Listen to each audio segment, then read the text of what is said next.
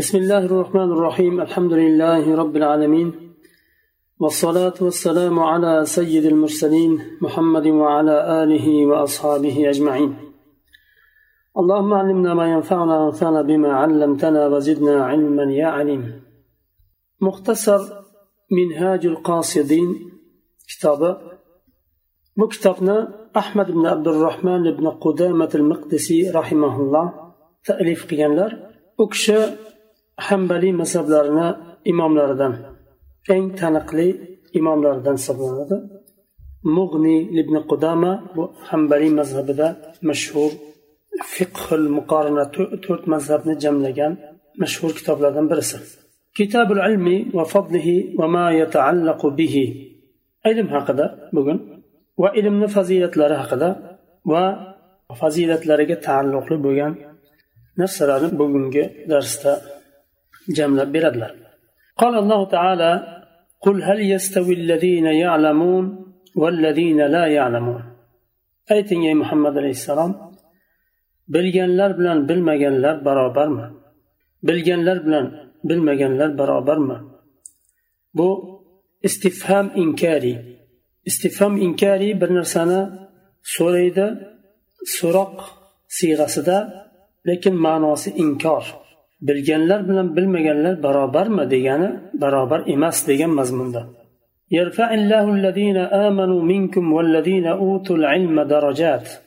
alloh taolo sizlardan iymon keltirganlarni va ilm berilganlarni darajalarini ko'taradi قال ابن عباس رضي الله عنهما للعلماء درجات فوق المؤمنين بسبعمائة درجة ما بين الدرجتين مسيرة خمسمائة عام عبد الله بن عباس رضي الله عنهما aytadilar olimlar uchun mo'minlarni mo'minlardan ustun bo'lgan yetti yuz daraja bor mo'minlarni darajasidan olimlarni darajasi yetti yuz daraja ustun bu kichkina martaba emas Har ikkita darajani o'rtasi besh yuz yillik masofa deydilar. Besh yuz yillik masofa. Olimlarni darajasi shunday ulug' va yuksak. Alloh taolo bergan bir martaba bu. Afsuski bugun tushum ummat bu narsani unutdi va olimlarga nisbatan juda ham ko'p hurmatsizlik qilinadi orqasidan ko'p gapiriladi adashganga chiqariladi. Har xil tuhmatlar qilinadi. Ularni islomda qanday yuksak darajalari bo'lishiga qaramasdan. Alloh taolo fotir surasida aytyapti min ibadihi allohdan faqatgina olimlar qo'rqadi deyapti. Innama hasr uchun keladi. Arab tili qoidasida innama hasr uchun keladi. Ya'ni keyingi keladigan jumlani cheklashlik. Min ollohdan qo'rqadi faqatgina faqatgina olimlar. Bu ma'nodan chiqadi ya'ni olimlardan boshqa ollohdan qo'rqmaydi ya'ni haqiqiy qo'rqishda qo'rqmaydi deyiladi. Shuning uchun ba'zi olimlar taqvoli deb hammani aytib bo'lmaydi deyishadi. agar ilm bo'lmasa taqvo bo'lmaydi agar bir kishida taqvo bo'lmasa ilm ham bo'lmaydi ikkalasi bir biriga bog'liq bo'lgan narsa bu yerda taqvo bilan allohdan qo'rqish bilan ilmni bir joyda keltirdi bittasi bo'lmasa ikkinchisi bo'lmaydi وفي الصحيحين من حديث معاوية بن أبي سفيان رضي الله عنه قال سمعت رسول الله صلى الله عليه وسلم يقول من يرد الله به خيرا يفقهه في الدين. صحيح عندك هذا بخاري مسلم ده معاوية بن أبي سفيان رضي الله عنه أتت ويتدلر من رسول الله صلى الله عليه وسلم نشن لديهم نشتم الله تعالى كم جاء يخشلك إرادة قصة أن دين ده فقيه وعن أبي أمامة رضي الله عنه أنه قال قلت لرسول الله صلى الله عليه وسلم رجلان أحدهما عابد والآخر عالم. فقال رسول الله صلى الله عليه وسلم فضل العالم على العابد كفضلي على أدناكم.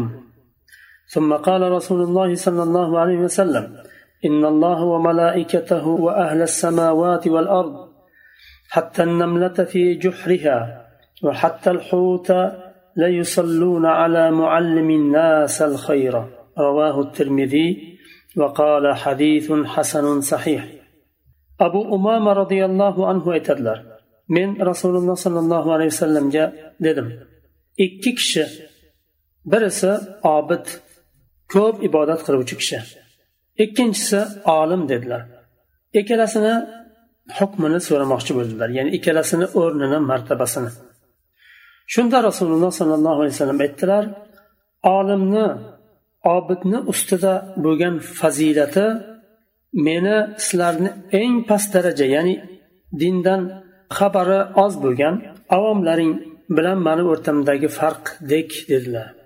Keyin aytdilarki alloh taolo va farishtalari va butun osmonlar va yer ahli hatto chumoli o'zini uyida va hatto dengizdagi baliqlar odamlarga yaxshilik o'rgatadigan kishilarga salovat aytadi dedilar. Ravohu termiziy buni imom termiziy rivoyat qilganlar va hadisni hasan sahih deganlar.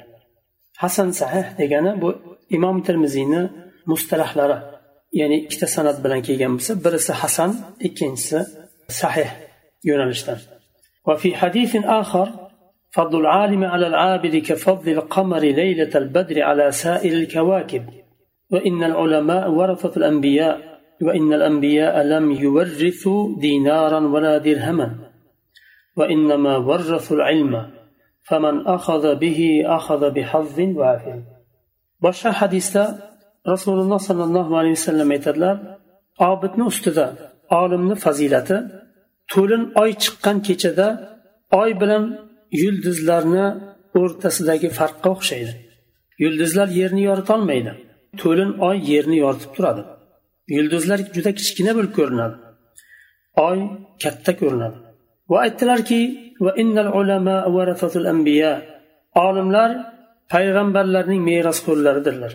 Payg'ambarlar dinor va dirham qoldirmadi ular. Ular ilm qoldirdi dedilar. Meros qilib qoldirdi ilmni.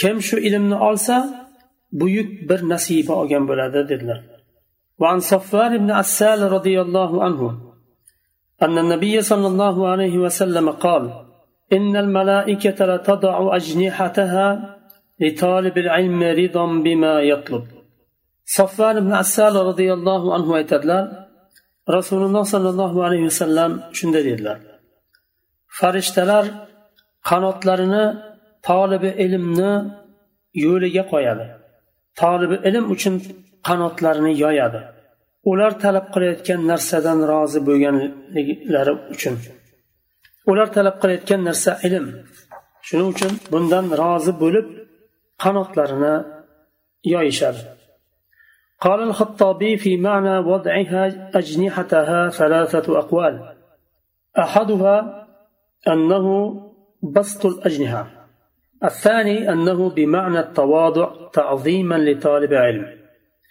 الثالث أن المراد به النزول عند مجالس العلم وترك الطيران إمام الخطابي رضي الله عنه aytadilar bu so'zda qanotlarini yoyadi deyildi hadisda uch xil qovul bor birinchisi haqiqatdan ham qanotlarini yoyishadi ikkinchisi ular mutavodi bo'ladi tolibi ilmni hurmat qilganliklari uchun tolibi ilmni martabasini yuksak bo'lganidan ular mutavodi bo'lishadi uchinchisi ular ilm majlislariga tushishadi va osmonda yurishmaydi عن ابي هريره رضي الله عنه انه قال قال رسول الله صلى الله عليه وسلم من سلك طريقا يلتمس فيه علما سهل الله له به طريقا الى الجنه رواه مسلم امام مسلم تخريج قilgan hadisda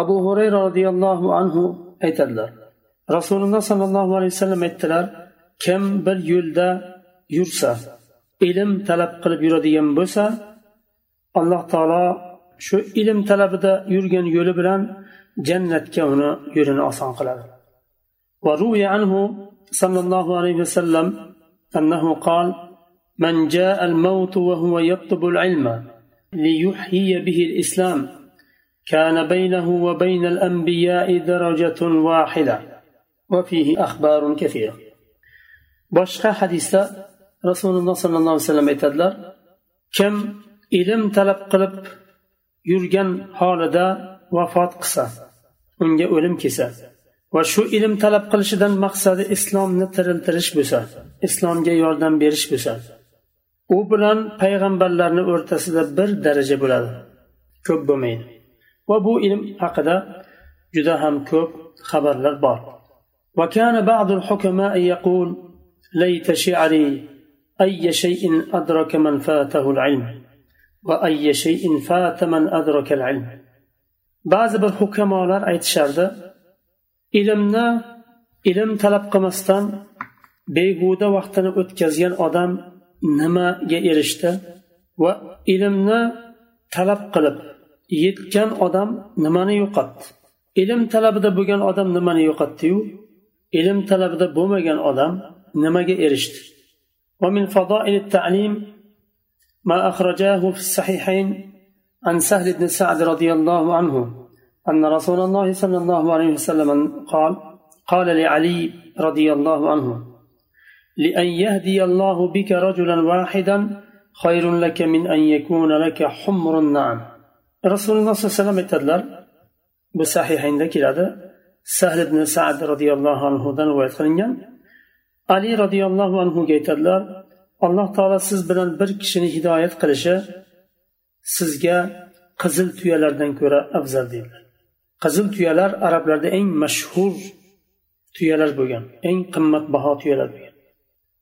وقال ابن عباس رضي الله عنه إن الذي يعلم الناس الخير يستغفر له كل دابة حتى الحوت في البحر وروي نحو ذلك في حديث مرفوع إلى النبي صلى الله عليه وسلم عبد الله بن عباس رضي الله عنه aytadilar odamlarga yaxshilik o'rgatayotgan kishiga har bir hayvonlar ham istig'for aytishadi.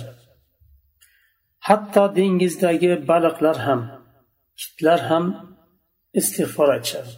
Va bunga o'xshagan hadislar marfu bo'lgan rasululloh alayhi vasallamga marfu qilingan hadislar bor. Agar aytilinsaki so'ralinsaki dengizdagi baliqlar qanday odamlarga yaxshilik o'rgatadigan kishiga istig'for aytadi فالجواب أن نفع العلم يعم كل شيء حتى الحوت chunki ilmni manfaati hamma narsaga yetadi hatto dengizdagi baliqlargacha yetadi فإن العلماء عرفوا بالعلم ما يحل ويحرم chunki olimlar hamma narsani bildirdilar harom bo'lgan halol bo'lgan hamma narsani bildirdilar ta'lim berdilar وأوصوا بالإحسان إلى كل شيء حتى إلى المذبوح والحوت فألهمهم الله تعالى كل الاستغفار لهم جزاء لحسن صنيعهم وأدم لرجاء har bir narsada yaxshilikni vasiyat qildilar hatto so'yiladigan hayvonni hatto dengizdagi baliqlargacha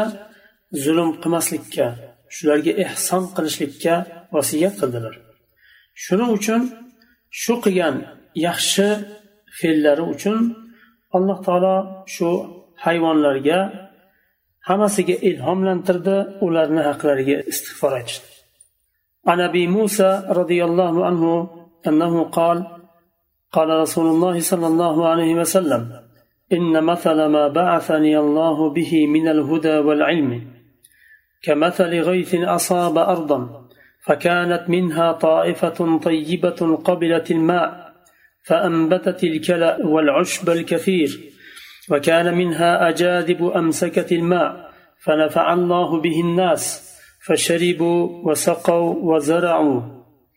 فأصاب منها طائفة أخرى إنما هي قيعان لا تمسك, تمسك ماء ولا تنبت كلأ. فذلك مثل من فقه في دين الله ونفعه الله بما بعثني به فعلم وعلم ومثل من لم يرفع بذلك رأسا ولم يقبل هدى الله الذي أرسلت به أخرجاه في الصحيحين. بخاري مسلم ذاك أبو موسى رضي الله عنه يتدلر رسول الله صلى الله عليه وسلم dedilar alloh taolo meni hidoyat va ilm bilan yuborgan bu narsa osmondan yerga tushgan yomg'irga o'xshaydi. Fakanat minha toifa. Bu yomg'ir tushganda bir toifa yer bor ediki yerni bir qismi suvni qabul qildi. Unumli o'stiradigan o't o'stiradigan barakatlik bir yer suvni qabul qildi va o't o'lanlarni ko'paytirdi o'stirdi. Va yana bir toifa bir qism yer bordiki ular qattiq yer suvni ushlab qolishdi. Suv ustida saqlanib qoldi. Bir ko'llar bo'lib qoldiki alloh taolo shu ko'l sabablik odamlarga manfaat berdi. Va odamlar bu suvlardan ichdilar va ekinlarni sug'ordilar. Va yana bir qism yerga bu suvdan yetdi. Ammo bu yer tekis va qattiq suvni qabul qilmaydigan va o't ham o'stirmaydigan bir yer edi. Suvni ushlab ham qolmadi o'zida o't ham o'stirmadi. Bu yuqorida keltirilgan misol allohni dinida faqih bo'lgan kishini va men yuborilgan bu narsani bilan alloh taolo u kishiga manfaat bergan kishining misolidir bu va u kishi buni ta'lim oldi va ta'lim berdi va bu misol yana ilmga umuman boshini ko'tarmagan ya'ni e'tibor bermagan va allohning hidoyatini qabul qilmagan rasululloh alayhi keltirgan hidoyatni qabul qilmagan kishining masalidir bu فانظر رحمك الله إلى هذا الحديث ما أوقعه على الخلق فإن الفقهاء أولي الفهم كمثل البقاع التي قبلت الماء فأنبتت لأنهم علموا وفهموا وفرعوا وعلموا وغاية الناقلين من المحدثين الذين لم يرزقوا الفقه والفهم. أنهم كمثل الأجادب التي حفظت الماء فانتفع بما عندهم وأما الذين سمعوا ولم يتعلموا ولم يحفظوا فهم العوام الجهلة bu hadisga bir e'tibor bering alloh sizni rahmatiga olsin xalqqa qanday ham tushirdi buni xalqqa mos qilishdi xalqqa misol qilib bir tushirildi fuqarolar ular dinni tushungan fahmlagan insonlar ular yerni yomg'irni qabul qilgan va o't o'lanlarni o'stirgan yerga o'xshaydi. Unumli yerga o'xshaydi. Ular ta'lim oldilar tushundilar dinni va odamlarga ta'lim berdilar. Va boshqa toifasi ular muhaddis dinda faqih bo'lmagan muhaddislar. Ba'zi bir hadis ilmiga qiziqqan faqat yodlashga qiziqqan lekin dinni ta'lim olmagan fiqhni boshqa ilmlarni fanlarni dindagi. Ular dinda faqih emaslar. Dinni chuqur tushunmaydilar olimlarga o'xshab lekin hadisni minglab minglab hadisni yodlaganlar. Ular kimga o'xshatyaptilar? Haligi suvni saqlab qoladigan qattiq yer ko'l qilib saqlab qoladigan qattiq yer odamlar keladi bu suvdan foydalanadi. Ammo hadisni eshitib allohni rasulini so'zini eshitib ta'lim olmaganlar va yodlamagan bu narsalarni olmagan ham bermagan ular avamul jahala avom xalq ular. Dinni bilmaydigan avom xalq. Bugun aynan ular aksariyati olimlarni orqasidan gapiradigan olimlarni tuhmat qilayotgan hurmatsizlik qilayotganlarni aksariyatni qarasangiz avom xalq. dindan hech narsani bilmaydigan va oz bir narsani eshitib o'rganib to'rt beshta oyatni yo hadisni eshitib o'rganib olgan shuni hamma narsaga tushirib butun hukm chiqarayotgan nimalar aksariyati avom xalq dindan hech narsani bilmagan kishilar قال الحسن رحمه الله لولا العلماء لصار الناس مثل البهائم hasan rahimalloh aytadilar agar olimlar bo'lmaganda edi odamlar hayvonlardek bo'lib qolardi bahaim hayvonlar agar olimlar bo'lmaganda odamlar hayvonga o'xshab qoladi nima uchun chunki dinni bilmagandan keyin na axloq na odob na boshqa na ixlos na ehson hech narsani bilmagandan keyin inson o'z öz o'zidan bahoimga o'xshab qoladi قال معاذ بن جبل رضي الله عنه تعلموا العلم فإن تعلمه لله خشية. فإن تعلمه لله خشية. وطلبه عبادة. ومدارسته تسبيح. والبحث عنه جهاد. وتعليمه لمن لا يعلمه صدقة. وبذله لأهله قربة. وهو الأنيس في الوحدة. والصاحب في الخلوة. معاذ بن جبل رضي الله عنه aytadilar ilmni ta'lim olinglar uni ta'lim olishlik olloh uchun ta'lim olishlik xashiyatdir allohdan qo'rqishlikdir. Uni talab qilishlik ibodat uni dars qilishlik tasbehdir uni haqida bahs qilishlik bu jihoddir. Odamlarga uni ta'lim berishlik bilmagan kishilarga bildirishlik sadaqadir. Uni o'zini ahliga sarflashlik qurbatdir. Va bu ilm yolg'iz qolganda anis insonni anis degani birga bo'lgan doim birga yupatib turgan bir narsani anis deyiladi va yolg'iz qolganda sohibdir وقال كعب رحمه الله أوحى الله تعالى إلى موسى عليه السلام أن تعلم يا موسى الخير وعلمه الناس فإني منور لمعلم الخير ومتعلمه قبورهم حتى لا يستوحشوا بمكانهم كعب رحمه الله aytadilar alloh taolo muso alayhissalomga vahiy qildi aytdiki ey muso siz xayrni ta'lim oling xayr bu ollohdan kelgan ilm hidoyat va odamlarga uni ta'lim bering men shu xayrni ta'lim olgan va ta'lim berganlarning qabrini nurlantiraman hatto qabrdan vahshat sezmasliklari uchun. Shu yerda to'xtaymiz keyingi darsda inshaalloh yangi fasldan boshlaymiz. Subhanakallohumma bihamdik. Ashhadu an la ilaha illa ant astag'firuka va atubu ilayk.